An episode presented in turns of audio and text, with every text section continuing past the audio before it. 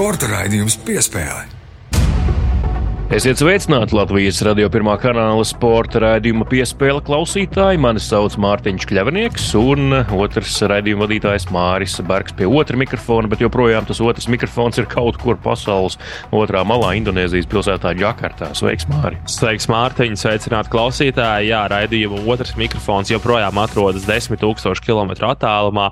Bet uh, tas, protams, mums uh, neliedz runāt par šīs nedēļas aktualitātēm sportā. Un, un, protams, ka arī šonadēļ mēs daudz un dikti runāsim par pasaules kausu basketbolā, kas turpinās. Šodien ir tā diena, kad divās grupās noskaidro ceturdaļfinālistus. Grupa, kurā spēlē gan uh, Latvija, un tajā ir vēl trīs komandas, arī Brazīlija, Spānija un arī Kanāda. Noskaidrojas ceturdaļfinālistus uh, divi dueļi, un kurš uzvar katrā no spēlēm tiek tālāk ceturtajfinālā. Un identiska situācija arī I grupā, kurā spēlē Puertorikāņi un Dominikānas republika, tāpat arī Serbija un arī Itāļā. Un e, šajā grupā tad arī tieši tāda pati situācija - divas spēles, un e, tā komanda, kas uzvar katrā konkrētajā mačā, tiek tālāk. Bet mums, protams, vairāk interesē e, latvieši un latviešu sasniegtais par to arī ārkārtīgi plaši runāsim nedēļas topā, jo, protams, ka tā būs top pirmā vieta. Es domāju, ka to jūs jau nojaušat, bet lielajā intervijā gan šonadēļ ne par basketbolu, runāsim par klinšu kāpšanu, jeb alpīnismu. Un uh, ciemos būs uh, divi klinšu kāpēji, kuri jūlijā sasniedza virsotni, mm, kur nevienam citam vēl līdz šim pasaulē nebija bijusi pa spēkam. Pamira kalnos, uh, tā būs Ines Pučeka un viņas kolēģis Nauris Hofmans. Ar viņiem sarunāsimies, bet, protams, ka raidījumu sāksim, kā jau ierasts, ar spilgtāko nedēļas topu. Un, protams, ka pirmā vieta Latvijas basketbola izlase. Un kas tad ir noticis pa šo aizvadīto nedēļu? Pagājušajā nedēļā, kad dzirdējāt raidījumu, tad latvieši vēl sparīgi cīnījās mm, pret um, Franciju, vai gatavojās to darīt. Precīzāk sakot, ja klausījāties raidījumu vienos dienā, ja atkārtojumā sešos vakarā, tāda spēle jau tuvojās beigām, bet nu varam pasakīt, ja esat palaiduši garām, ka Francija Latviju uzvarēja. Pēc tam grupā, diemžēl, zaudēja Kanādai, bet uh, vēl pēc tam jau nākamajā grupā uzvarēja arī Spāniju, kas arī bija pirmo reizi Latvijas basketbola vēsturē, un šodien uh, gatavojas uzvarēt arī Brazīliju. Un tā tā izšķirošā spēle, lai tiktu ceturtajā finālā. Māra, kas tur kāds emociju karuselis šonadēļ valdīja Džakartā? Nu, grūti jau man tā stāstīt. Es jau to esmu arī teicis basketbola studiju laikā, raidījumā Labrīt, ka spēles pēdējās minūtes mēs, žurnālisti, vienmēr pavadām lejā zem tribīnēm, mēdīju interviju zonā, jo ceļš, kas ir jāveic no mediju tribīnēm līdz interviju zonām, ir pietiekami garš. Līdz ar to parasti pēdējās pamatlaika divas minūtes apmēram tiek pavadītas lejā, skatoties spēli televīzijā, bet, protams, svinības, daudz prieku, daudz satraukuma, noteikti arī daudz sirmu matu ir cilvēkiem nācis klāt, ne tikai žurnālistiem, bet arī līdzjutējiem. Un uh, mazliet palabošu te Mārtiņa Spāniju, Latvija basket, savā basketbola vēsturē ir uzvarējusi vienreiz. Tas notika jau 1935. gada Eiropas čempionāta finālā. Toreiz Latvija tātad kļuva par, par pirmajiem Eiropas čempioniem. Nu, tagad Latvijai pirmā uzvara pret Spāniju padevās pēc neatkarības atgūšanas. Jā, un uh, Francija, Francija arī atstāta uh, aiz sevis, bet nu, francūžiem, protams, pilnīgi katastrofāls čempionāts. Par Franciju mēs nerunājam, tagad ir jādomā par Brazīliju. Jā, tad šodien uh, mačs pret Brazīļiem. Šobrīd tas jau notiek, ja klausāties raidījumu vienos dienā. Uh, ja sešos vakarā, tad jau zināt, gala iznākumu ir Latvijas izlases ceturtajā finālā vai nav. Bet, uh, jebkurā gadījumā, ļoti labs sniegums par spīti visām traumām, par tiem, uh, nu, principā, varētu pat teikt, to pusi sastāvu vai pat uh, daļu starta piecinieku, kurš palika aiz svītras dažādu savainojumu dēļ. Kristaps Pols Porziņš, Jānis Strelnieks, klātienē vērošo čempionātu, Rihards Lomašs Rīgā trenējas, lai gatavotos jaunajai sezonai. Viņu palīdzība var būt tikai tāda morāli atbalstoša, ar padomu, bet uh, laukumā tas ir jāizdara citiem vīriem. Un ļoti labi Lukas Banki, Jāņa Gailīša un Artur Visots Krubeņa vadībā šī komanda spēlē un uzvar, kas ir galvenais. Tas viss ļoti ārkārtīgi priecē. Pagaidām sasniegts pasaules labāko 16. Tātad garantēta vieta Parīzes Olimpisko spēļu kvalifikācijas turnīrā, bet ja Latvija finišē starp divām labākajām Eiropas komandām pasaules kausā, tad Parīzes ceļzīme jau ir automātiski, nav vairs jāspēlē kvalifikācijas turnīrā un vispār astoņnieks pasaules kausā. Tas jau būtu absolūti nu, pārspēt, es domāju, 99% cilvēku cerības pirms šī turnīra. Jā, nu sasniegt labāko 16. Protams, kā jau minēju, ir šie iztrūkumi sastāvā, un tie ir ļoti, ļoti nopietni iztrūkumi. Tāpēc sasniegt labāko 16. protams, pats par sevi jau ir sasniegums. Un varbūt Latvijai pietrūkst vairāku spēlētāju, taču ir citi, kur ir sekmīgi nākuši vietā ir spējuši sevi apliecināt lielākās lomās, svarīgākās lomās, izšķirošākos brīžos. Un tas arī tiek izcelts visu šī turnīra gaitā, un par to mēs runājām vēl pirms pasaules kausa vispār sākās. Ja Latvijas ilsē ir Kristaps Porziņš, Rihards Lomašs, tu zini, kuri būs līderi, kuri ir jāpiebremzē, kurus ir jācenšas apturēt. Šajā gadījumā Latvijas ilsē nav viena ļoti izteikta līdera, bet ir daudz spēlētāju, kuri katrā atsevišķā spēlē ir spējīgi veidot rezultātu. Un to mēs esam redzējuši. Arthurs Žagars izcēlās pret Francijas izlasi, tur viņam lieliska spēle. Mačā pret Spāniju atkal citi spēlētāji veids tādus izšķirošos izrāvienus. Kristers Zorigs 4. ceturdaļā bija vairāk kārt precīzs Andrejs Gražulis, Rodions Kuruts. Katrā spēlē atrodas kāds cits, kurš ir tas lielais rezultāta veidotājs, tieši gūto punktu izteiksmē. Skaidrs, ka beig beigās visi šie panākumi, lai kas arī beigās mūsējiem sanāks, vai mēs paliksim, apstāsimies šajā labāko 16. stadijā, vai arī izdosies tikt ceturdaļfinālā. Jebkurā gadījumā tas būs milzīgs komandas nopelns. Nevis individuāli spēlētāji, bet tieši komandas nopelns. Viennozīmīgi, un man gan liekas, nu, es nekad uh, laikam neesmu viņu licis tādu novērtējumu augstākajā plauktā, bet šis turnīrs man ārkārtīgi atvēra acis tam, cik uh, nozīmīga atslēga. Es tā tiešām viņu gribētu raksturot uh, šim izlases sniegumam, un sniegumam tieši aizsardzībā ir Rodions Kurts. Uh, protams, arī viņa brālis Artūrs Kurts un arī vispārējie desmit spēlētāji ārkārtīgi mm, skrupulozi, precīzi spēlē aizsardzībā, bet tas, ko dara Rodions, tas, ko esam redzējuši vismaz televīzijas ekrānā šī turnīra laikā, Tas ir ārkārtīgi augsts pasaules līmenis, un, uh, un arī tas trūkumi, ko varbūt mēs ar tevi arī viņam pārmetām pārbaudas spēļu laikā, tās ātri sakrātās piezīmes, tā nesavaldība, pārlieku lielā emocionalitāte vai, vai gribēšana vai notikuma forsēšana. Neko no tā mēs šajā turnīrā neredzam. Rodions ir uh, kā pārvērties, un, un man šķiet, ka viņš ir tā zelta atslēdziņa uz tām durtiņām, kas mums tagad ir pavērušās uz astoņnieku, kurā mēs jau varbūt esam iekļuvuši. Rodions, jā, protams, nu viņam ir visi iespējamie fiziskie dotumi, lai viņš būtu lielisks spēlētājs ne tikai aizsardzībā, arī uzbrukumā pats ir gara auguma, fiziski ļoti spēcīgs, atletisks spēlētājs, ļoti garām rokām. Viņam ir šis roku izplatums, jeb eh, angļuiski to sauc par wingspan, ļoti liels. Visas dotības viņam ir. Un, uh, gadās, protams, pa kādai kļūdai, un gadās absolūti stulbas kļūdas brīžiem Rodionam. Taču nu, ir tik daudz to labo epizodu, pārtverto bumbu, un arī vienkārši tik daudz kaut kas, kas netiek pamanīts gan šeit, skatoties no tribīnēm, gan skatoties pie televīzijas ekrāniem, tās mazās lietas, kas tiek izdarītas laukumā, jā, viņš noteikti izdara tiešām milzīgu, milzīgu darbu aizsardzībā. Un tas, ka viņš ir tieši šāds fiziski apdāvināts spēlētājs, tas tiešām Latvijas izlasē paver vēl tādas nu, plašākas iespējas, un kā redzam, viņš ir tas, kurš tiek likts uz pretinieku vadošajiem spēlētājiem. Kanādas gadījumā viņš steidza šēju Gilģesu Aleksandru.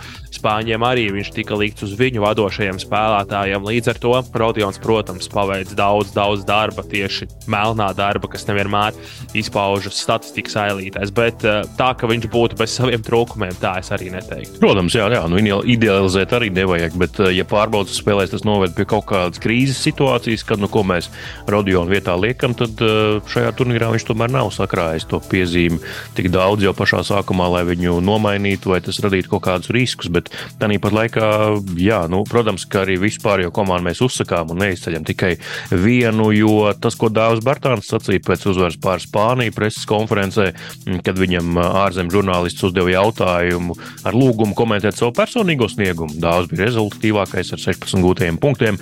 Tajā mačā Dārzs tā arī pateica, man pilnīgi vienalga, kas ir šajā te papīra lapā rakstīts, kas ir spēles protokols, tie skaitļi man neko nenozīmē, un nevienam no komandas tas neko nenozīmē. Individuālā statistika tas vispār nav kaut kas, kas ir saruna temata lokā komandā. Šeit ir valsts pārstāvēšana, valsts goda aizstāvēšana, visiem kopā kolektīvi rezultātu sasniegšana gal galā.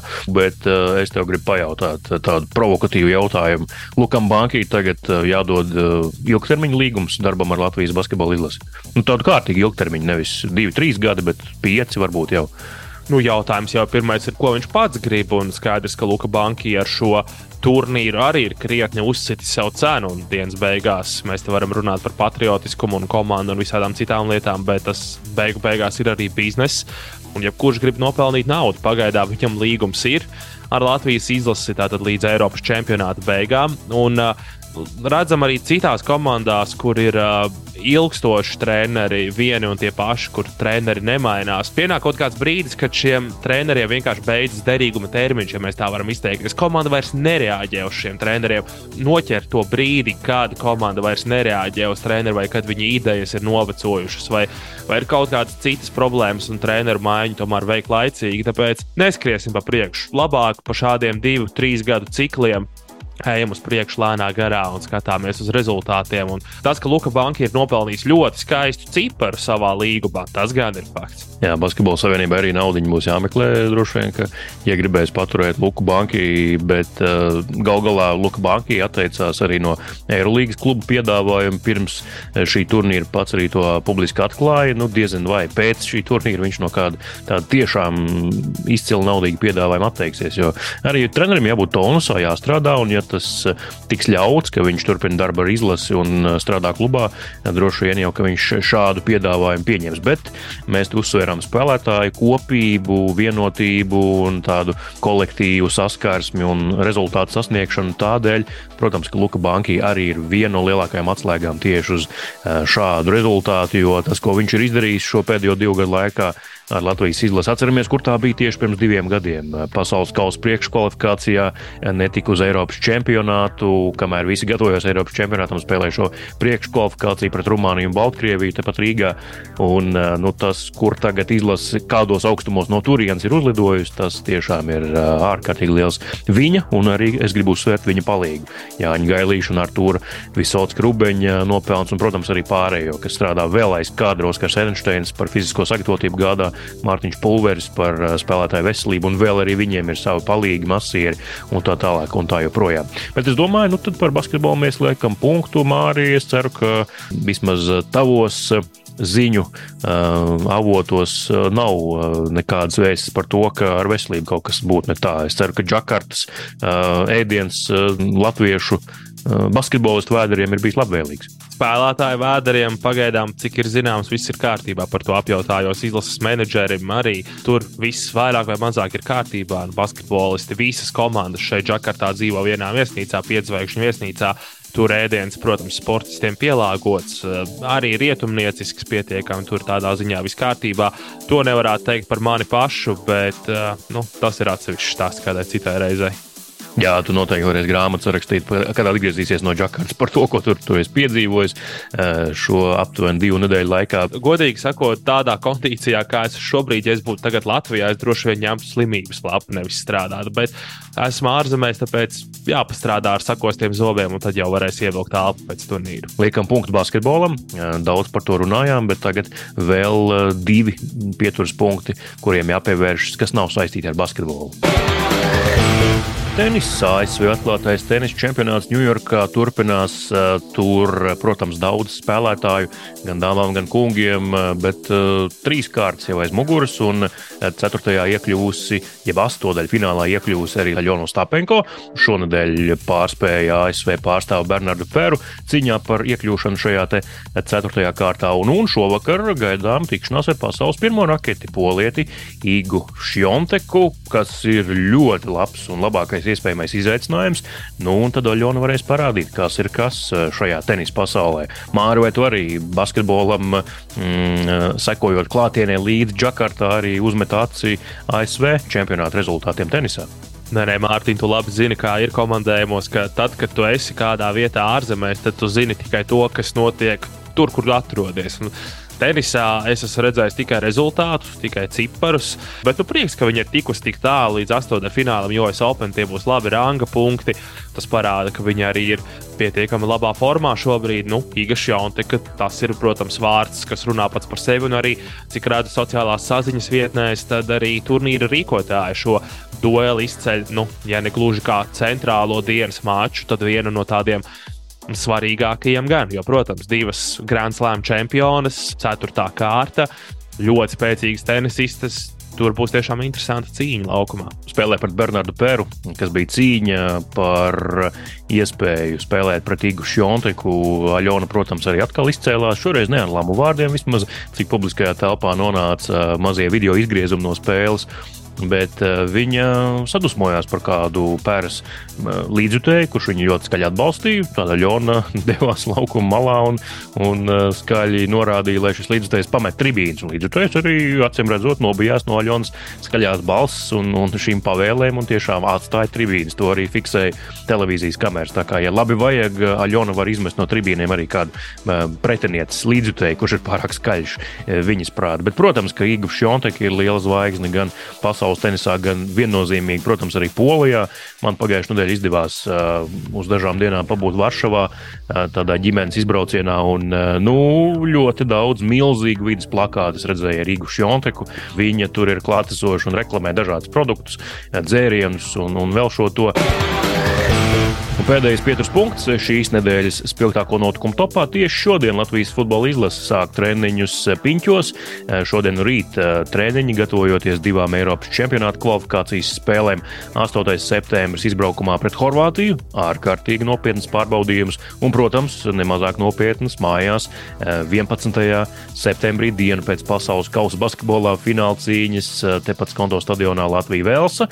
Un komanda sāk gatavoties, atgriežušies ir spēlētāji spēlētāji, kur iepriekš nebija iekļauti izlases eh, sastāvā, piemēram, pieredzējušais Kaspars Dubra, kurš tagad paņevēžas komandā Lietuvas čempionātā ļoti labi spēlē pēdējā laikā, un eh, tāpat arī Krišjāns Zviedrs, bet viņš, protams, trešais vārdsargs, eh, pirmie Nils Toms Puriņš un arī Roberts Ozols. Komandu sāk gatavoties, redzēsim, kā viņiem veiksies. Nu, pagaidām vienīgais tāds misēklis, kas bija, bija Latvijas Futbola Federācijas izpildījumā, ka tur viņi skaitīja Kristēra Tobera sakrātās dzeltenās kartītes rakstīts, un, un sākumā pat eh, pirms sastāvu nosaukšanas eh, paziņoja, ka Tobers nevarēs spēlēt par Horvātiem, jo par daudz kartīšu beigās tomēr tā, tās pašas dienas vakarā izsūtīja arī labojumu visiem žurnālistiem, ka tomēr nē.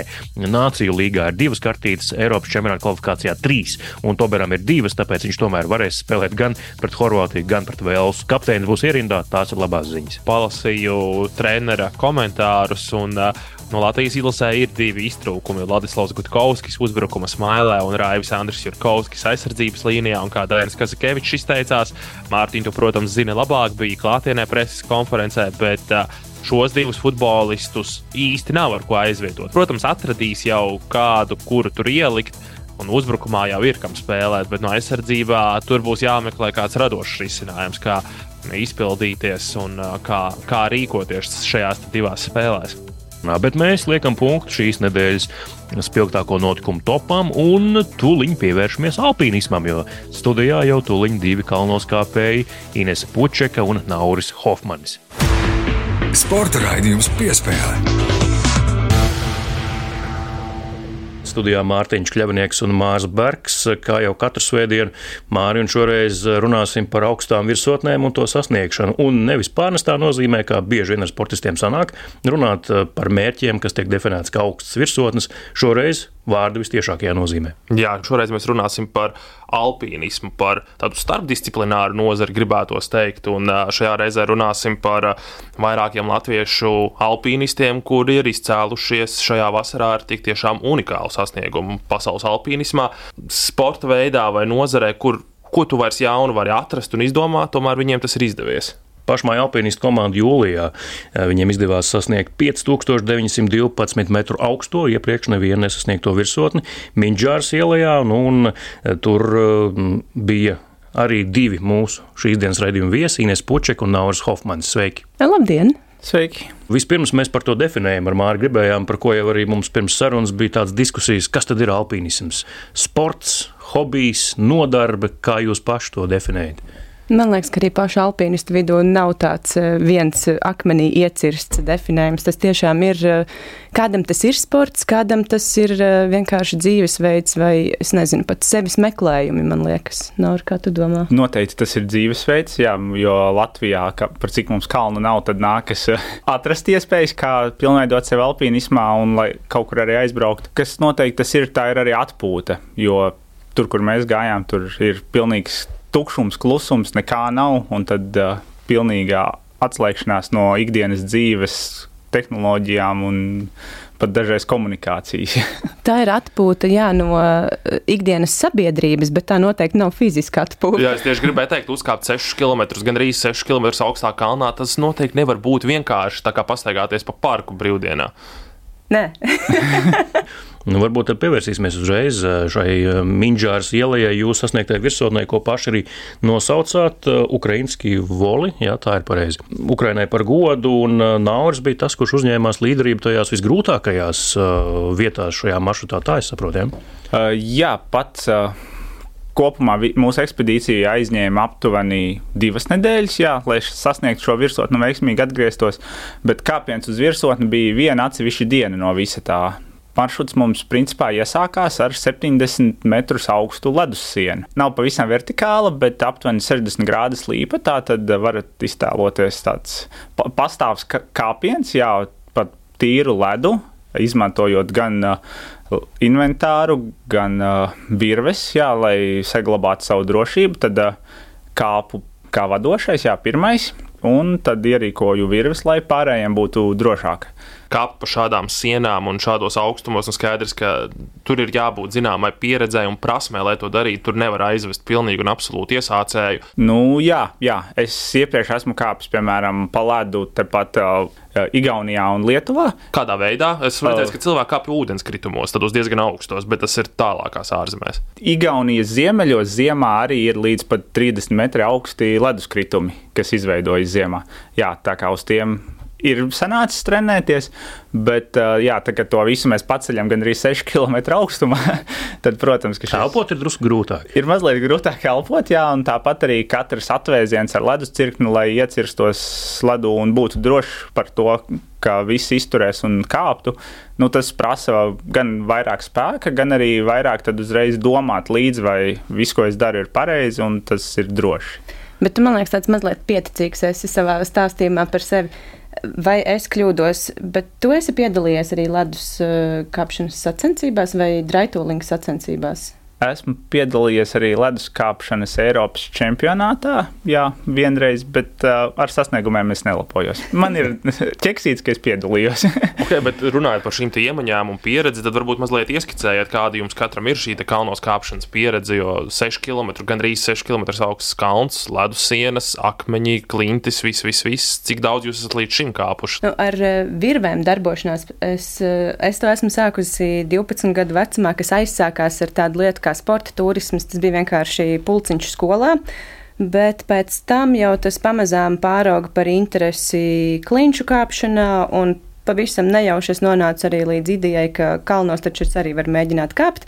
Un ar to es sāku nodarboties 2017. gadā. Man liekas, ka šis ir nu, tāds nopietnais tā kā, ekspedīcijas veida brauciens uz kalniem, ceturtais pēc skaita. Bet, uh, Jā, nu šajā braucienā tika sasniegtas augstākās virsotnes līdz šim. Es biju iepriekš bijusi Elbrusā un Kazbekā, bet uh, pēc šīs Minģāras ielas kāpiena pēc tam mums sekoja arī uzkāpšana Abicenas smēlē. Tātad Kaukāza kalnos esi kāpusi, tagad ir Pamīra ielā. Fanos arī ir būts, jā, kas ir mazliet skumji, bet Eiropas kalnos tādos Alpos ir būts tikai nu, tādā trekingā.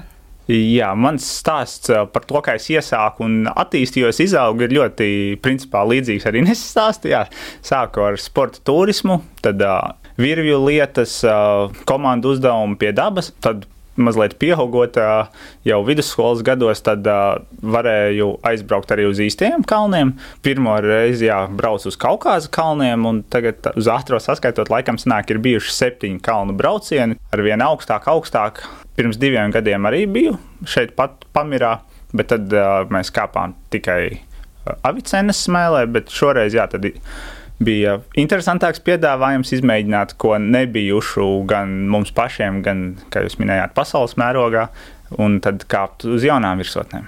Vai katra kalnoskāpēja sapnis ir uzkāpt Everestā? Tāds stereotipisks jautājums, bet nu, droši vien klausītāji grib atbildi zināt. Jautājums ir labs patiesībā. Nu, ņemot vērā to lielo cilvēku interesi par eh, Everestu un eh, augstkalniem, un man liekas, nu, tā mana tāda pārliecība. Es neesmu runājusi ar eh, citiem par to, bet tāda īsta alpīnista sapnis drīzāk ir tehniski e, maršruti, un man liekas, ka tieši tādi, kas nav kāpti. Jo tas Everests ir kļuvis tik ļoti komerciāls, tur e, nu, cilvēks stāv rindā uz virsotni, un man ir aizdoms, ka tādiem sirdī īstiem alpīnistiem e, tas vairs nav tik vilinoši. Lai gan mēs tikko pieredzējām Norvēģietes rekordu, viņa 14 virsotnēs burtiski uzskrēja 90 dienu laikā ko nu, arī pasaulē mēģina saprast, vai tas alpīnisms ir sports vai dzīvesveids, un kas tas par rekordu, un, un kāpēc vispār tādus rekordus uzstāda. Tā ir tā mana pārliecība. Bet ļoti iespējams, eh, ka tā interese par eh, Everestu arī lielo alpīnistu vidū tomēr uzturās, paliek. Jo Everests nu, tas ir tāds, eh, laikam, tāds darba ļaužu balets, ko saprot jebkurš. Nu, ja tu uzkāpsi Everestā, to saprot jebkura publika, kurai tu to pasaki. Ja tu pasaki kaut kā tehniski sarežģītu maršrutu, ko tu esi izkāpis un sasniedzis virsotni, Bet mazāk to, dzirdētā kalnā? To varbūt ne visi atzīst. Eh, tie, kur nav uh, specializējušies niansēs, nav ar to arī grib uzkāpt Everestā. Varbūt. Šo, šobrīd viennozīmīgi atbildi nevar sniegt. Bet jā, tie, kas visticamāk sevi uzskata par alpinistiem un dara to priekš sevis, viņi izvēlēsies vizuāli skaistākas virsotnes vai tehniski sarežģītākus maršrutus. Mm. Tomēr mums jātiek būt galā ar pāris tādām geogrāfiskām niansēm. Vismaz tātad jūs kāpāt Pamira kalnos. Uz kuru valsti jūs devāties? Kāds vispirms ir tas maršruts, kā vispār nonākt šajās valstīs? Jo Alpi, Klinču kalni, Tatri, nu, tās ir vietas, kuras mēs zinām, pazīstam, bet jūs devāties uz tādu mežonīgāku teritoriju. Taģik, Taģikistāna, jā, kaut kas tāds. Mēs braucām uz Kirgistānu pamatā, jo uh, mēs devāmies uz Avicenas smailes bāzes nometni. Tur mums bija paredzēti pirmie aklimatizācijas kāpieni, un tad sekoja Minģāras ielai, kur arī mēs no Kirgistānas puses devāmies iekšā. Devāmies šajā ekspedīcijā 2. jūlijā. Kopumā visa ekspedīcijā gan bija ieplānota, gan arī beigās izdevās. Mums ilgā četras nedēļas. Lai izpildītu visu gan aklimatizācijas plānu, gan uzkāptu nekāptajās virsotnēs, gan arī beigās vēl avicenes smēlē uzkāptu. Un kopumā mūsu grupā bija septiņi dalībnieki, kaut kas izdevās visiem. Jā, vis, vismaz vienā virsotnē uzkāpa visi dalībnieki, un četri, ne, trīs. Bet, zini, sanāk, ka mēs. Visi pilnīgi visās virsotnēs sanāca, ka uz, uzkāpām tajā, ko mums vajadzēja traversēt, jo uz to blakus esošo virsotni aizgājāt tikai jūs puiši. Es biju vienīgā meitene eh, šajā braucienā, un mēs uzkāpām tajā pirmajā augstākajā nekāptajā virsotnē, un uz otro es izdomāju, ka Nu, tur tāda, tāds gājiens pa sniegu. Es laikam palikšu nometnē un uh, beidzot nobarzīšos ar sniegu. jo šo divu nedēļu, gandrīz divu nedēļu laikā, nu, tā mazgāties īsti nesanāk. Tas, jā, nu, duši tur nav pieejami, jebkur vai ne kalnos. Tātad pārējie Oļegs eh, Siļins, Raivs Hofmanis, Naurs Hofmanis, Maksims Svoboda, Edgars Maģuls, Valds Puriņš un, protams, Inies Pučeka. Uh, šis ir tas lieliskais septiņnieks, jā? Jā, tas ir tas septītnieks, kas eh, devās, lai visu šo sasniegtu. Kas ar to septītnieku ir īpašs? Mēs nākam katrs no sava nu, tāda alpīnistu kluba. Tā nav vienas komandas, viena kluba ekspedīcija. Tāda arī bija Latvijas Alpīnistu Savienības valda Puriņa doma, ka tieši apvienojot dažādu klubu cilvēkus, mēs varētu visi kopā nu, savienoties un uh, uzkāpt uh, kādā virsotnē. Jo nemēdz jau būt tā, ka starp tiem klubiem ir kaut kāda domstarpības, rīvēšanās, vai varbūt pat netik ne uh, draudzīgas attiecības. Tad šoreiz mēs uh, izdomājām, ka mēs varam būt draudzīgi un, un kaut ko lielu paveikt visi kopā. Fiziski spēcīgākie mūsu grupā bija Valdis un Edgars. Viņi praktiski visos posmos gāja pa priekšu un mina pēdas dziļajā sniegā, kas no viņiem prasījies savu atdevi. Tāpat laikā, jā, tehniski sarežģītākajā vietā, tad, tad es kāpu atkal, lai citiem nebūtu varbūt tik bail un atvieglot viņiem to darbu. Tā mēs jā, sadaloties ka, katram bija savas atbildības un diezgan draudzīgi tikām galā. Bet eh, kāda ir tā izēvielu sagatavošana, cik ilgi ir gatavošanās un kā tā vispār notiek? Kā jūs pētāt to potenciālo kāpšanas maršrutu, kā tur nokļūt, kas jāņem līdzi? Vai arī to darīs? Fiziskie treniņi, lai arī varbūt sniegu varētu brīst un ledus sienā uzkāpt, arī noteikti nekāds vieglais darbiņš nav. Kopumā jāsaka, ka visas tādas ekspedīcijas idejas autors ir Oļegs Silins. Jā, viņš uz šo Pamira kalna reģionu braukā jau kopš 1980. gadiem. Tad viņš tur ir daudz kur jau kāpis, izpētījis. Un tad, jā, kartēs vēl joprojām ir šīs nekāptās virsotnes bez nosaukumiem. Dažas tādas bija noskatītas, tad tieši Minģāras ielā, kur mēs devāmies. Mm, bet skatoties, nu, tiešām tā gatavošanās ir tā, ka bildes, jūs paskatāties uz to kalnu, jā, šeit varētu uzkāpt, jo iz pieredzes skatoties, tas varētu strādāt, vai tiešām varbūt ir pieejams kādas, nezinu, topogrāfiskās kartes par šo vietu, vai nekas tāds nav? Uh, ir padomju laika topogrāfiskās kartes, bet uh, tās nav diezko noderīgas. Tādā ziņā, ka tur ir jā, tikai kalnu grēdas, ledāji, bet, nu, piemēram, nogāzes stāvumu vai kaut kādas tur ir akmeņi, sniegs vai ledus, to īsti nevar noteikt. Uh, nedaudz palīdz Google kartes, kur ir jā, ortofoto kartes, kurās var redzēt, jā, ka tur ir konkrētais ledājs. Beigu beigās jau tāpat sanāk iet un skatīties, kas tur, kas kas tur īsti ir. ir. jā, jā, tas nevienmēr sakrīt arī. Kas bija tas neparedzamais, kas jūs pārsteidza? Lielās ledāju plaisas varbūt. Es iepriekš nebiju gājusi tik daudz pa ledāju, uh, minot, kur varētu zem sniega būt uh, plaisa kāda. Tad uh, Sniega kvalitāte, es domāju, ka mūs pārsteidza. Bijām, Labā, sliktā nozīmē. sliktā nozīmē. Mm. Bijām cerējuši uz mazliet labāk ejamu sniegu un varbūt vietām netik dziļu, jo tiešām pirmajiem puišiem, kas gāja, tiem nācās dzīt taku laikapstākļi, cik tur ir vispār mainīgi. Nu, kalnos jau tie vispār ir mainīgi, bet uh, jūsu gadījumā cik tie bija labvēlīgi un cik strauji mainījās? Mūsu gadījumā jāsaka, ka laikapstākļi bija ideāli tam, ko mēs bijām ieplānojuši. Mm. Jā, mēs uh, ekspedīcijas daļā gājām 14 dienas. Un nevienu dienu nebija tā, ka mēs kaut ko nevarētu izdarīt dēļ laikapstākļiem. Bija vairākas dienas, kad burtiski sanāca tā, mēs esam pabeiguši gājienu, ceļam telti, un tad brīdī uznāk uh, liels tumšs mākonis, sagriežās vējš, uznāk sniegs, un tad puiši man pirmo ielaida teltī, kamēr viņi vēl to telti mēģināja nostiprināt. Lai, lai mēs tur eh, nometnē varētu dzīvoties. Vēl, kad mēs bijām diezgan zemu nometnē, uznāca arī, nu, vismaz tajā apkaimē, uznāca pērkona negaiss. Tas gan mani mazliet sabiedēja, jo kalnos eh, satikties ar zībeni un pērkonu nav pati patīkamākā lieta. Tad mēs tā visus savus dzelžus sametām vienā kaudzē ar eh, cerību, ka nespērs tas mērķis uzkāpt šajā vēl nesasniegtajā virsotnē, tas bija tāds primārais, vai tomēr nu, tā visa ekspedīcija bija tāds vienots veselums, un jūs neizdalījāt, kurš tur primārāks elements, kurš mazāk primārs? Tie, man liekas, bija tādi, tādas mazliet personīgās ambīcijas. Katrā ziņā tās nekāptās virsotnes mums bija daļa no aklimatizācijas. Ja reiz mēs gribējām uzkāpt avicenes smailē, tad mums vajadzēja uzkāpt arī tajās virsotnēs, lai lai, jā, lai tas aklimatizācijas process būtu veiksmīgs. Nu, un ko dara latvieši, kad uzkāpj nesasniegtā virsotnē? Mēs tikai uz filmām balstamies, jo mums citas pieredzes nav abiem, bet, nu, jā, vai nu iesprāž karodziņu, vai kaut ko atstāja nākamajiem. Kas Lā, notiek? Tur glāzi šampanieši ir varbūt uzstiepta augšā līdz pūdeļa šampanieši. Pirmkārt bija tā, ka mēs bijām, nu, vismaz es biju mazliet, mazliet vīlusies tajos laikapstākļos, kas tobrīd bija, kad mēs atradāmies virsotnē, jo bija milzīgs mākonis uznācis un apkārt pilnīgi neko redzēt nevarēja. Līdz ar to arī tā tās fotogrāfijas, ko mēs tur uzņēmām, nu, izskatās, ka mēs nobildējušies pie tādas akmeņu kaudzītes. jo apkārt ir uh, viss balts un tiešām nevar redzēt uh, neko no tās uh, skaistās kalnu ainavas. Tas, ko mēs izdarījām, Mēs atradām klinšu atsegumu, akmeņu atsegumu un uztaisījām tādu nelielu tūriņu, jo tas parasti ir tāds kalnu virsotnēs. Nu, apzīmējums tam, ka tur tā virsotne ir.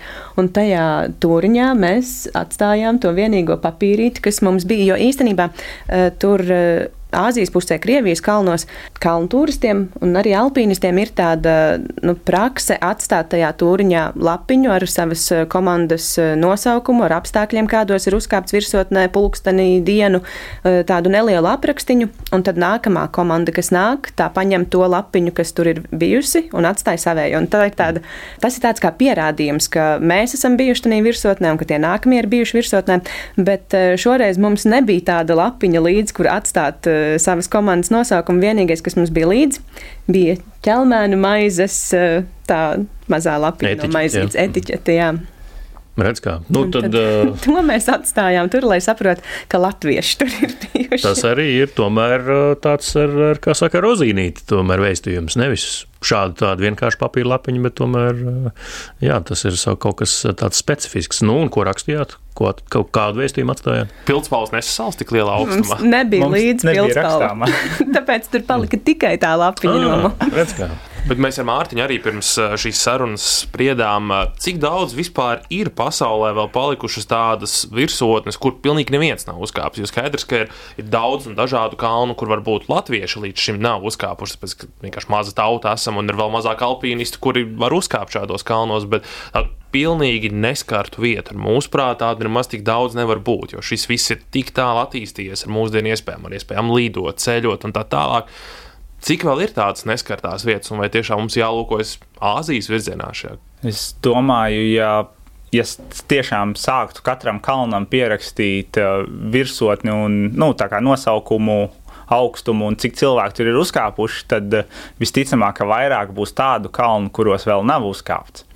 Jā, sarunas noslēgumā gribēju jums abiem vaicāt, no Ineses balss, es domāju, Latvijas radio klausītāji joprojām atceras gan eh, Latvijas radio 5. gan 1. kanāla klausītāji. Ines, tu joprojām strādā medijos, eh, tikai ehm, citā eh, medijā šobrīd kas ir tā tā ikdiena un uh, cik bieži vispār atliek laika ārpus darba tādiem treniņiem un šādam braucienam, piemēram? Nu, ar tādiem uh, treniņiem es cenšos uh, ikdienā diezgan daudz nodarboties. Arī tieši priekš šī brauciena es zināju, ka es uh, skriešu, jo iepriekšējā pieredze kāpjot Kazbekā bija tiešām ļoti laba. Un man liekas, ka pie tā bija vainīga tieši skriešana. Tāpēc eh, jā, es mēdzu ikdienā skriet, un man arī ļoti patīk eh, klinšu kāpšana un bolderings. Un, eh, nu, tās arī ir lietas, priekš kurām ir ļoti uh, regulāri jātrenējas. Tāpēc nedēļā man kādi nu, četri treniņi vismaz ir. To es mēģinu apvienot jā, ar, ar darbiņu. Es laikam dzīvoju nu, tajā mazliet otrā kā lai saka, izpratnē par, par ikdienu, ka man pirmajā vietā ir treniņi un, un hobiji, un tad lai to visu sasniegtu, nu, tur ir arī darbs. Jā, jā pastrādā, naudiņa jāpelnā. naudiņa jāpelnā, jā. Nauda arī. Varbūt pastāstīt par sevi, ar ko tu ikdienā nodarbojies un kāda ir tava specialitāte. Jo nu, skaidrs, ka šis jums ir aizraušanās, augsta līmeņa aizraušanās, to tā varam saukt, bet pamatdarbi jums visiem tomēr ir citi. Pastāstīt varbūt par sevi, ko tu dari. Jā, es ikdienā esmu Latvijas vidas geoloģijas un meteoroloģijas centra sinoptiķis. Tā tad tu ļoti labi vari arī kalnos paredzēt, kas tur būs. kalnos ir mazliet sarežģītāk. Tur tiešām mainās pa stundām, minūtēm. Kas būs nākamajā dienā, nav pasakāms. Bet mēs tiešām Naurim jautājām, paskaties uz mākoņiem, ko tie nozīmē. ko tie stāsta mums? Jā, tāds otrs galvenais man ir industriālais alpinists kāpju gan uz, uz jumtiem, uz jumtiem torņos, kokos, vis, visur, kur parastie cilvēki nekāpj, tad mēs kāpjam un cenšamies palīdzēt ar to, kas darāms. Nu, lieliski, paldies uh, Inesai Pučikai un Naurim Hofmanim, ka ieskicējāt uh, mums, diletantiem, uh, drusku kaut ko par alpīnismu. Tad jau ceram atkal uz jaunām ziņām par kādu virsotņu sasniegšanu un gan jau uz kādu citu sarunu ar jums. Paldies! Jā, paldies, paldies arī jums! Paldies! Svētdiena Latvijas radio pirmais kanāls, sporta raidījums piespēle tādu lūk saruna par kalnos kāpšanu ar Inesi Pučeku un Nauru Hofmani. Un līdz ar to eh, sakām jums arī paldies par klausīšanos šajā nedēļā un šajā svētdienā. Dariet to arī nākamajā svētdienā, tad jau mārs būs atpakaļ no tālās džakartas, un tad arī varēsim eh, pie mikrofoniem, kas abi būs geogrāfiski vienā lokācijā, pārunāt to, kas notika Džakartā un cik tālu Latvijas izlase īsti tika šajā turnīrā. Jā, tik tiešām paldies, ka klausījāties šo raidījumu. Manuprāt, Mārtiņa mums padavās tiešām interesanta saruna ar abiem eh, kalnos kāpējiem. Cerams, ka arī jums patika un bija interesanti. Un, eh, kā jau tu saki, jā, man, man ir laiks kravāt koferus un uh, plānot savu braucienu atpakaļ no Džakartas. Uh, tiekamies jau pēc nedēļas šajā pašā vietā, šajā pašā laikā Latvijas radio viens ēterā. Visu labu līdz nākamajai nedēļai!